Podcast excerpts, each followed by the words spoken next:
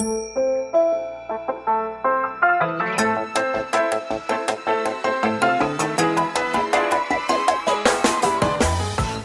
lieve luisteraars, welkom bij de Stories of Inspiration podcast van What's Your Story.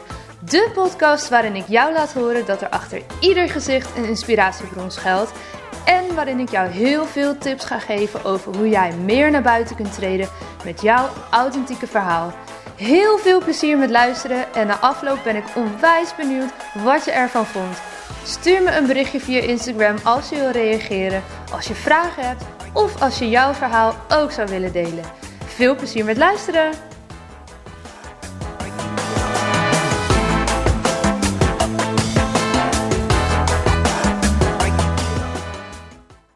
Welkom allemaal bij deze nieuwe podcast. Ik zit hier tegenover Maureen van Soul Printed en we gaan het vandaag hebben over rust en het belang van rusten. Um, welkom Maureen, dankjewel dat je er bent. Hi, dankjewel dat je me hebt uitgenodigd. Ja, superleuk. um, ja, ik ga gewoon gelijk met de deur in huis vallen. Wat, uh, wat betekent rusten voor jou? Rusten betekent vrijheid, denk ik. Ja, echt um, bij mezelf zijn en lichter, lichter en vrijer leven is dat voor mij. Hoe ziet dat er voor jou uit, lichter en vrijer leven? Meer zijn en minder ja. doen. En minder haasten. En ja, echt aanwezig zijn en, en de dingen doen die ik echt belangrijk vind en die echt bij me passen. Mooi. Wat is voor jou echt belangrijk? Nou, mijn familie, mijn gezin. Ja. Dat is echt, staat echt wel op nummer één. En voor mij is het echt heel belangrijk om een goede baas te hebben. Dat dat, dat, dat goed voelt. En, en daarnaast gewoon dat ik mijn eigen mijn passies kwijt kan, zeg maar. Dat ik dat ook ja, gewoon kan doen. Ja, dus dat... Uh, ik heb wel geleerd dat ik ook heel erg voor mezelf mag zorgen. Dus ik sta ook wel op nummer één, zeg maar. Ja, mooi. Ja, want misschien kan je ons een beetje mee terugnemen in waar dit, deze reis voor jou is begonnen. Weet je, je, je vertelt, nou, ik sta nu voor mezelf op één, maar in ons voorgesprek heb je ook al even aangegeven dat is lange tijd anders geweest.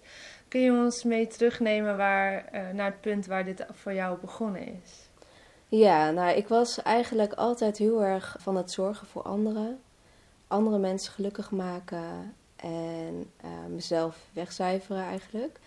En daarnaast was ik um, heel erg perfectionistisch, mm -hmm. heel erg uh, streberig ook wel. Ik wilde me echt bewijzen. Dat heeft geleid uiteindelijk uh, tot burn-outs en chronische vermoeidheid en uitputting. en ik ben nogal hardleers, want ja, blijkbaar ja, want is één keer niet genoeg. Je lacht, maar hoe, hoe zag zo'n... Kun je eens een situatie schetsen van hoe dat er dan uitzag als jij zo uitgeput in een burn-out zat? Waar kom je vandaan? Ik um, weet nog dat ik tijdens mijn eerste burn-out werkte ik uh, op de HRM-afdeling. En ik werkte echt heel veel en tot laat.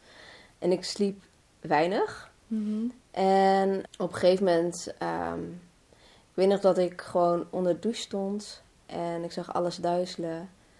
Ik werd benauwd. Ik kon niet meer, uh, bijna niet meer ademhalen. En ik ben gewoon in mijn naki uh, op handen en voeten kruipend naar mijn bed um, gekropen dus. En uh, ik dacht echt dat ik dood ging. Maar dat bleek dus gewoon hyperventilatie, gewoon een paniekaanval. En dat had ik nog nooit eerder meegemaakt. En ik was helemaal alleen, dus ik vond het best wel eng. Nou ja, en, en dat is eigenlijk dat is het begin van mijn, uh, van mijn burn-out. Nou ja, heel erg moe. Ja. Ik moest om alles huilen op een gegeven moment. Heel erg emotioneel. Nou ja, goed. Ik, ik ben toen ook naar een uh, psycholoog gegaan en van alles gedaan om er weer bovenop te komen. Maar ik werd toch ontslagen daar en ik moest mijn huis uit. Dus ik had op een gegeven moment had ik uh, en geen huis meer en uh, geen baan meer. En nou, mijn gezondheid was ook niet echt nee. geweldig. Want op een gegeven moment zei een psycholoog ook van, nou ja, je hebt geen burn-out. Want je, eigenlijk ben je niet depressief, maar je bent gewoon... Um, uh, je hebt chronische vermoeidheid. Je bent gewoon echt heel erg moe. En ik had ook, eh, was ook uitgekomen dat ik zoiets van vijf had gehad. En, Oh nou ja, dat, ook nog de onderliggend. ja, dat lag ja. er ook nog onder. Dus ik was gewoon echt super moe. En op een gegeven moment was ik gewoon zo moe ehm, dat ik niet meer mijn tanden kon poetsen. Dus ik kon niet meer mijn arm optillen om die beweging te maken om mijn tanden te poetsen. Dat, ja, dat geeft wel aan hoe Ja. ik was. En de enige activiteit dat ik, nou ja, ehm, kon doen, en ook niet elke dag, misschien één keer in de week, was dan naar boodschappen doen. Maar heel vaak eh, deden vriendinnen voor mij boodschappen.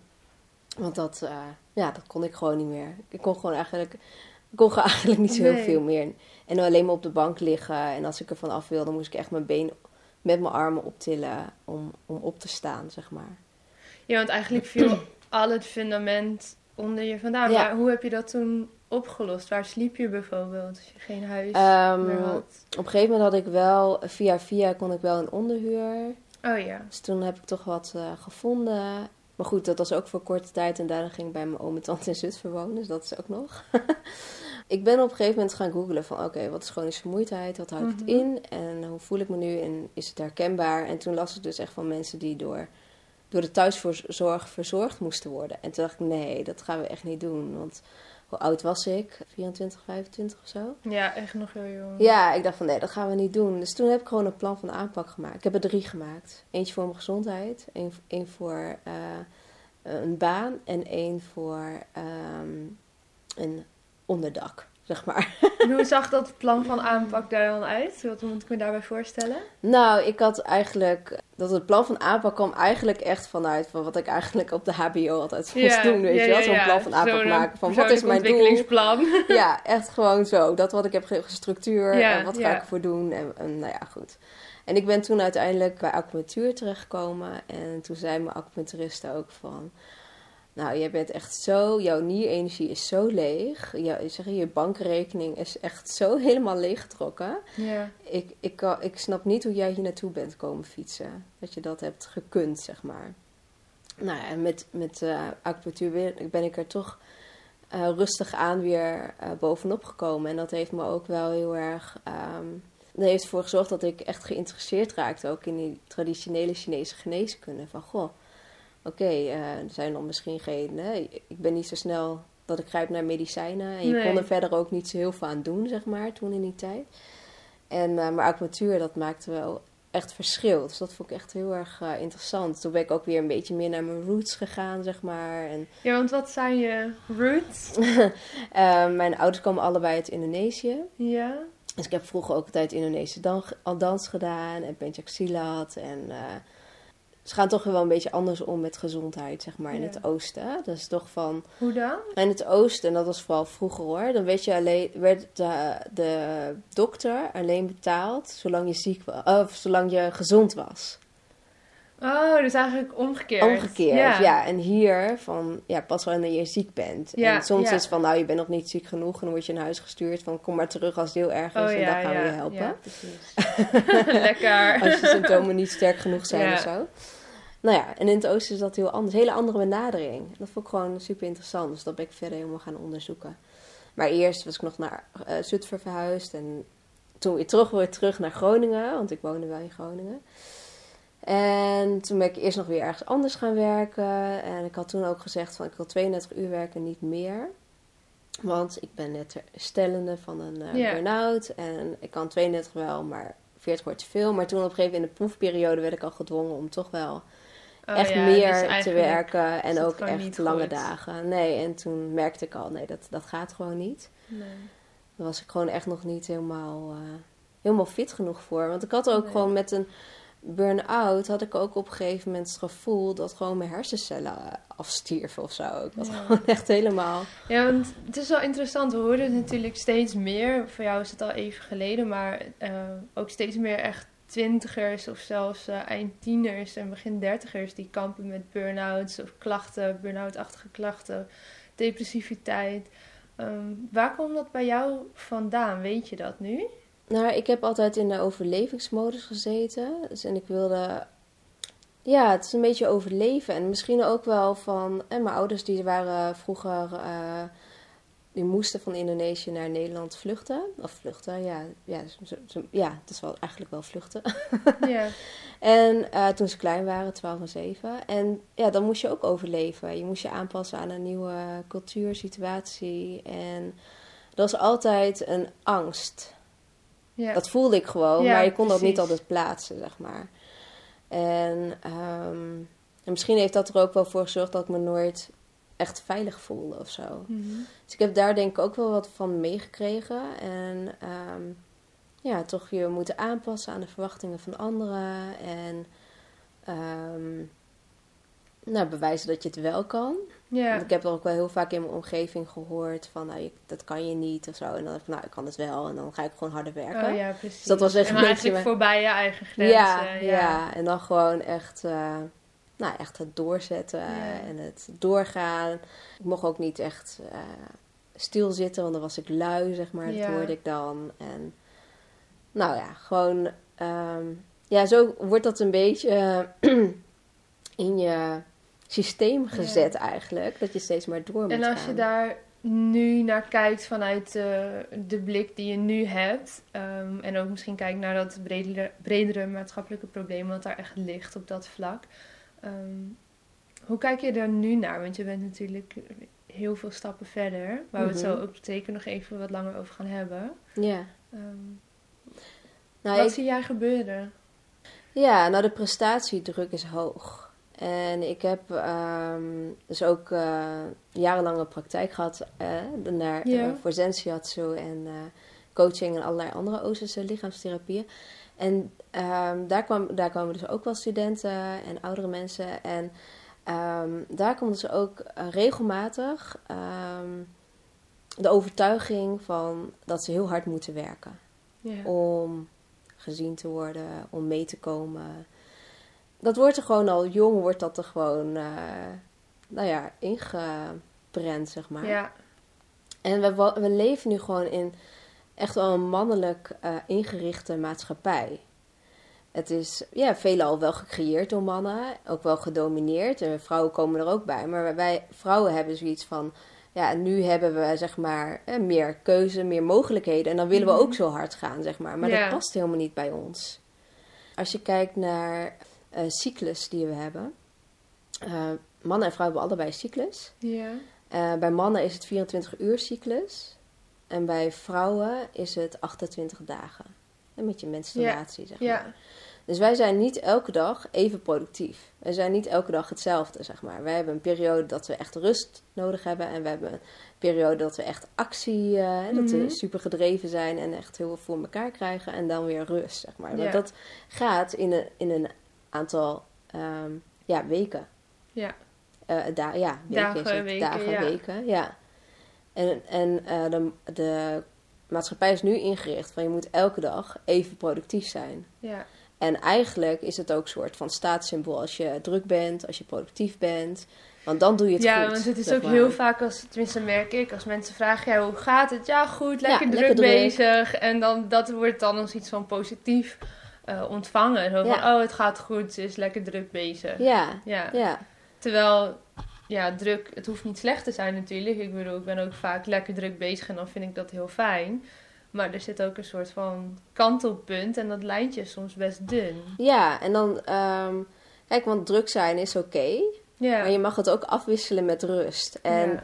dat vergeten we, dat stukje vergeten we vaak. Maar ehm, dat hoort er wel bij. Want je hebt ehm, na inspanning is altijd ontspanning nodig. En eh dus, dit is ook allemaal onderzocht dat als je gewoon te lang alleen maar in die inspanning zit, ja. dat je dan uiteindelijk een burn-out krijgt. Dat is gewoon alleen maar doen, doen, doen zonder pauze. Ja. Hey, en nu heb jij een heel mooi programma ontwikkeld om ook te leren rusten en te durven rusten. Ehm, kun je ons daar nog iets meer over vertellen? Want dat, dat sluit hier denk ik mooi bij aan. Dat- Ja, nou dat programma is, eh, heb ik geleerd van eh, Karen Brody. En ik eh, heb het dan zelf ook meer eigen gemaakt. Maar de basis Mhm. van Karen Brody, Daring to Rest. En dan leer je eigenlijk om met behulp van Yoga Nidra, want het is echt een hele fijne, simpele tool om tot rust te komen. Om rust een onderdeel te maken van je leefstijl. Het is dus niet één keer Yoga Nidra en dan is het klaar. Maar je gaat echt nou, elke dag een yoga nidra doen. Of, of hoe je het graag wil, zeg maar. Of misschien om de dag. Wat je kan inplannen. Even daarop aanhakend gelijk, want voor iedereen die nu luistert en denkt, wat is yoga nidra? Yoga Oh ja. kunnen we ons allemaal iets bij voorstellen, Ja. maar kun je vertellen wat is yoga nidra? Ja, eh, yoga nidra heeft niks met de, de verschillende houdingen te maken. Want je ligt gewoon in een savasana eigenlijk. Of hoe je fijn ligt. En het is een geleide meditatie. Op slaap gebaseerd. Dus je gaat liggen onder een dekentje. En je luistert naar een stem die jou begeleidt naar steeds diepere ontspanning. En dan ga je verschillende lagen eigenlijk door in je lichaam. eh, en verder. Dus, eh, en je gaat echt eh, heel diep. En je, je komt op een gegeven moment op een plek. En dan, dat, dan ben je gewoon ehm, nog dieper in ontspanning dan wanneer je in slaap bent. Hoe, hoe zit dat? Ja, dus je gaat eigenlijk ehm, gaat steeds een laagje dieper. En op een gegeven moment dan ben je echt helemaal in het...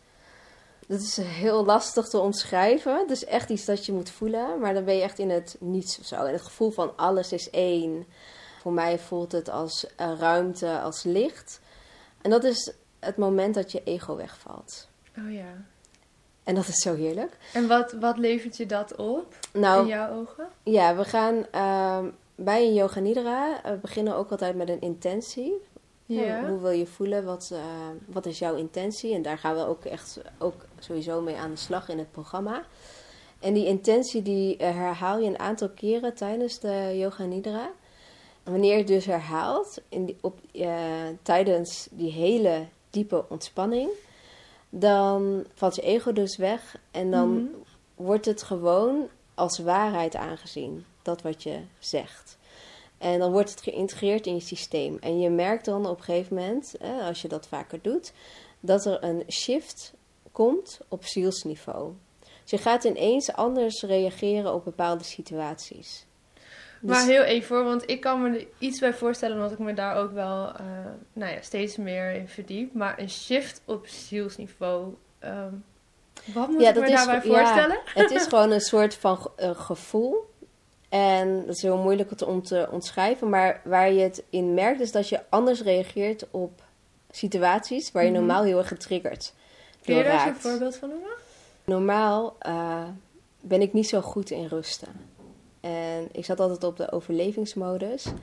En een paar jaar geleden heb ik eigenlijk me voorgenomen dat ik lichter en vrijer wil leven. En ik heb ook mijn intentie daarna gevormd. En nu steeds als ik een beslissing ga nemen, dan vraag ik me ook af van wat geeft mij een lichter en vrijer gevoel. En dan kan ik daar makkelijker voor kiezen. En normaal zat mijn hoofd dan in de weg. Ja. Ik denk van nee, dat kan we echt niet doen. En, Ja, eh, dat stemmetje. als ja, je- ja, ja. en dat is er nu gewoon niet meer. Ja. Dus nu kan ik makkelijker. eh, mijn intentie is bijvoorbeeld: ik ben eh, kalm, wild en vrij. En door die intentie te hebben, kan ik makkelijker kiezen om te rusten. Waar ik normaal de neiging had om gewoon maar door te gaan in drukte en door en door en door, heb ik nu meer van: oh nee, maar dit voelt goed nu. Ja. Dat zit in mijn systeem en dat is nou mijn waarheid, zeg maar. Ja. Dus, dat, eh, dus dan kies ik er moeitelozer voor. En zonder helemaal ruzie te maken in mijn hoofd, zeg maar. Ja, ja, ja, ja, ja. Of het gewoon niet te doen. Nou ja, dat klinkt natuurlijk echt wel heerlijk. En ik denk dat het iets is waar, waar veel mensen tegenaan lopen. En waar misschien ook nog niet iedereen voor open staat, maar steeds meer eh, bekendheid krijgt. Stel nou dat, eh, dat er iemand zit te luisteren en die denkt van, en dat zou ik heel goed begrijpen, nou dit, dit wil ik ook, dit moet ik proberen, want ik heb die dus nodig. Wat leren ze bij jou als ze meedoen aan het programma? Ze leren om tijd te maken voor zichzelf. En dat ook te vertellen aan hun omgeving. Zodat zij, Ja. hè, want de omgeving Ja. die moet daar meestal ook heel erg aan wennen. Ja, Want dat is vaak ook wat wij lastig vinden. Van oké, dan heb je misschien... eh, geef je zelf toestemming. Maar denk je, ja, maar wat zou de ander dan van vinden? Ja, Want ja, normaal ja, zorg ik altijd voor iedereen. Je leert om een intentie te maken voor jezelf. Hoe wil je graag voelen? En dan nog dieper. Je gaat, een, de Durf te Rusten programma heeft drie fasen. Mhm. Ehm, rusten, loslaten en opstaan. Want het is niet alleen maar rusten. nee. Het gaat nog veel dieper. Maar je begint bij rusten en dat is zeg maar je fysieke vermoeidheid loslaten.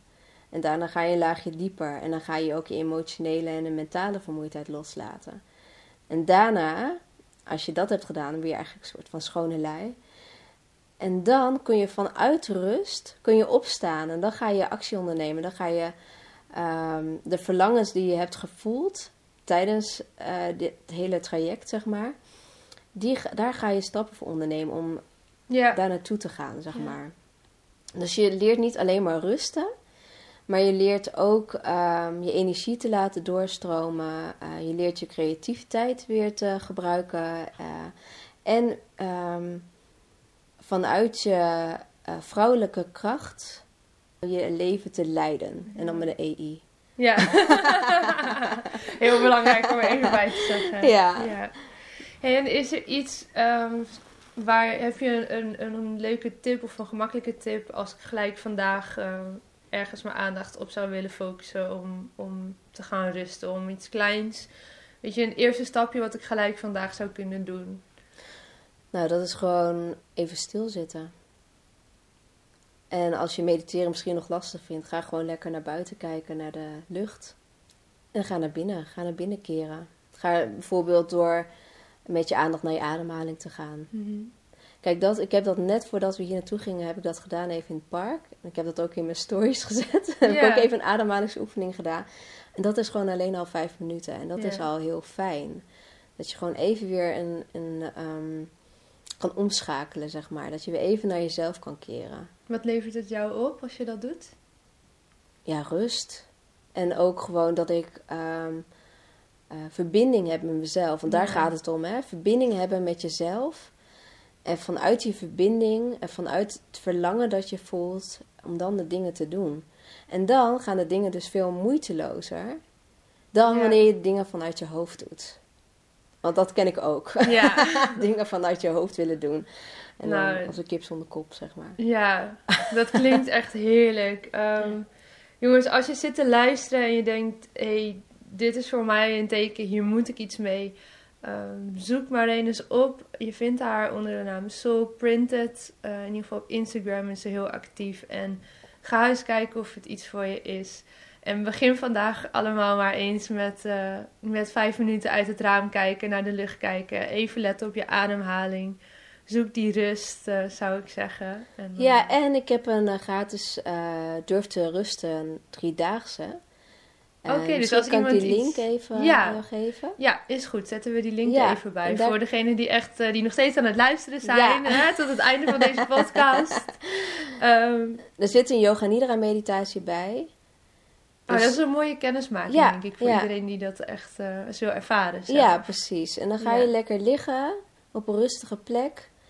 En met een dekentje over je heen. En dan ga je gewoon luisteren. En het hele mooie van yoga nidra vind ik, is dat je het gewoon niet fout kan doen. Je hoeft alleen maar te luisteren. Er zit geen prestatie achter, geen, geen drang of gewoon je overgeven. En dat is iets wat we vaak nog best wel mogen leren. Dat je overgeven. Maar uh, ja, je kan ook in slaap vallen. Maar dat is ook geen probleem, want je onderbewuste die neemt het wel op. Dus dat vind ik ook echt iets ja, zo mooi aan yoga nidra, dat je het gewoon niet fout kunt doen. En um, tegenwoordig hebben we zo vaak dat we het gevoel hebben dat we dingen goed moeten doen, dat we moeten presteren. En dat is gewoon helemaal weg hier. Ja. Dus dat is echt heel erg fijn. De juiste rust is dan zo belangrijk in, ja. in de maatschappij waarin we leven eigenlijk Ja, precies. Want dat is ook wel echt mijn, mijn missie om uh, rust onderdeel te maken van je. Je, je noemt het ook heel mooi een rustrevolutie. Ja, een rustrevolutie. Van, uh, um, ja, laten we gaan rusten en vanuit die rust opstaan. Ja. En want als je, hè, vrede, we willen allemaal wel iets betekenen in de wereld. En wat ik heel mooi vind is als je vrede in de wereld wil, dan mag je eerst vrede in jezelf voelen. Ja, het begint bij jezelf. Ja. En toen ik Yoga Nidra voor het eerst deed, toen voelde ik me zo vredig. Toen dacht ik, wauw, dit wil ik echt gewoon vaker voelen. En ook meteen dacht ik, ik wil dit aan andere vrouwen leren. Want dit is zo gaaf. Ik wou dat ik het had gedaan voordat ik zwanger was. dan zat het al in mijn systeem. En dan was mijn hele uh, zwangerschap en uh, moederschapsperiode waarschijnlijk veel makkelijker verlopen. Of in ieder geval was ik eerder mm hersteld. Maar ja, dit is echt zo'n simpele, fijne tool. Daar ben ik gewoon super enthousiast over. Prachtig, je begint ook helemaal te stralen als je Ja. erover vertelt. Ja, ik vind het echt zo gaaf. En dat het, het is voor iedereen bereikbaar. ja, dat is inderdaad ook zo mooi. Het is heel Ja. laagdrempelig. Ja, je kan het op elk moment doen, overal. Als je niet kan liggen, ga je zitten. Ja, Je kan het ook op kantoor doen als je even een kwartiertje of zo even in stilte kan zijn. Het hoeft niet veel tijd te kosten, maar het, ehm, je merkt daarna, na een yoga nidra, ehm, wat ik voel is dat ik echt weer een schone lei ben. Ik, Ja. ik- mijn systeem is gereset en gereboot en ik kan gewoon weer aanwezig zijn Ja. bij, met wat ik aan het doen was. Dus ik ben eigenlijk veel meer gefocust en meer productief. En dat is eigenlijk wat je zou denken van, eh, ik kan niet rusten, want ik moet productief ja zijn. precies. Ik moet door, hup, hup, ik heb eh, tijdnood. Ja, Ja, werken. ja. En ik Terwijl heb, eh, eigenlijk, want dat merk ik soms zelf ook wel, als ik dan heel even juist wel dat rustmomentje neem, dan ben je daarna weer tien keer productiever. En die tijd haal je makkelijk weer Ja. in. En op zoveel, zoveel meer een relaxte manier. ja, Dat het, weet je, die, die vijf of tien minuten dat je dan even niks doet, dat is helemaal geen verloren tijd in die zin. nee, precies. En het is gewoon, dat heb je gewoon nodig. dat, is, dat, ja. dat hoort gewoon in ons systeem eigenlijk. Ja. Alleen we zijn het vergeten. We zijn gewoon vergeten om te rusten. En nou is het gewoon tijd om te durven rusten. Want heel Ja. vaak zijn we bang om te rusten. Hè? Om toe te geven aan onze Ja. rust. Ja, want wat we al eerder zeiden, druk is een soort statussymbool Ja, geworden. Als je maar druk genoeg bent, dan ben je blijkbaar succesvol. Ja, Dat ja, precies. is een soort koppeling die we hebben gemaakt in onze maatschappij. ja. En juist die, dat wil ik, ja, dat zou ik echt zo mooi vinden als dat kan veranderen, die gedachtegang. Als je hebt geluisterd en er nu nog steeds zit te luisteren en je denkt, ja, hier wil ik echt heel graag meer van weten. Ehm, nou, Marene is je vrouw, zoek haar op. Stuur haar een berichtje. Volgens mij sta je daar helemaal voor open. En je Ja, ben je altijd zeker. welkom om Ja. aan te sluiten bij deze rustrevolutie. Yes. Jongens, dankjewel voor het luisteren. Uh, Marijn, bedankt dat je hier vandaag was. ik Ja, vond het echt bedankt. onwijs interessant. En ik weet zeker dat we hier nog wel eens eh, verder over gaan praten. Ja. Want dit is iets is wat eh, heel breed en relevant is in het leven wat we nu hebben. En leiden met z'n allen. Ja, dat was hem weer voor deze keer. Dankjewel voor het luisteren en ik hoop dat je hebt genoten van deze podcast. Wil je me helpen deze podcast te laten groeien? Laat dan een recensie achter via iTunes of deel in je Instagram stories dat je hebt geluisterd en vergeet mij niet te taggen. What's your story? NL. Zo kunnen wij er samen voor zorgen dat er meer en meer inspirerende verhalen gedeeld zullen worden. Alvast onwijs bedankt voor je support en tot de volgende aflevering.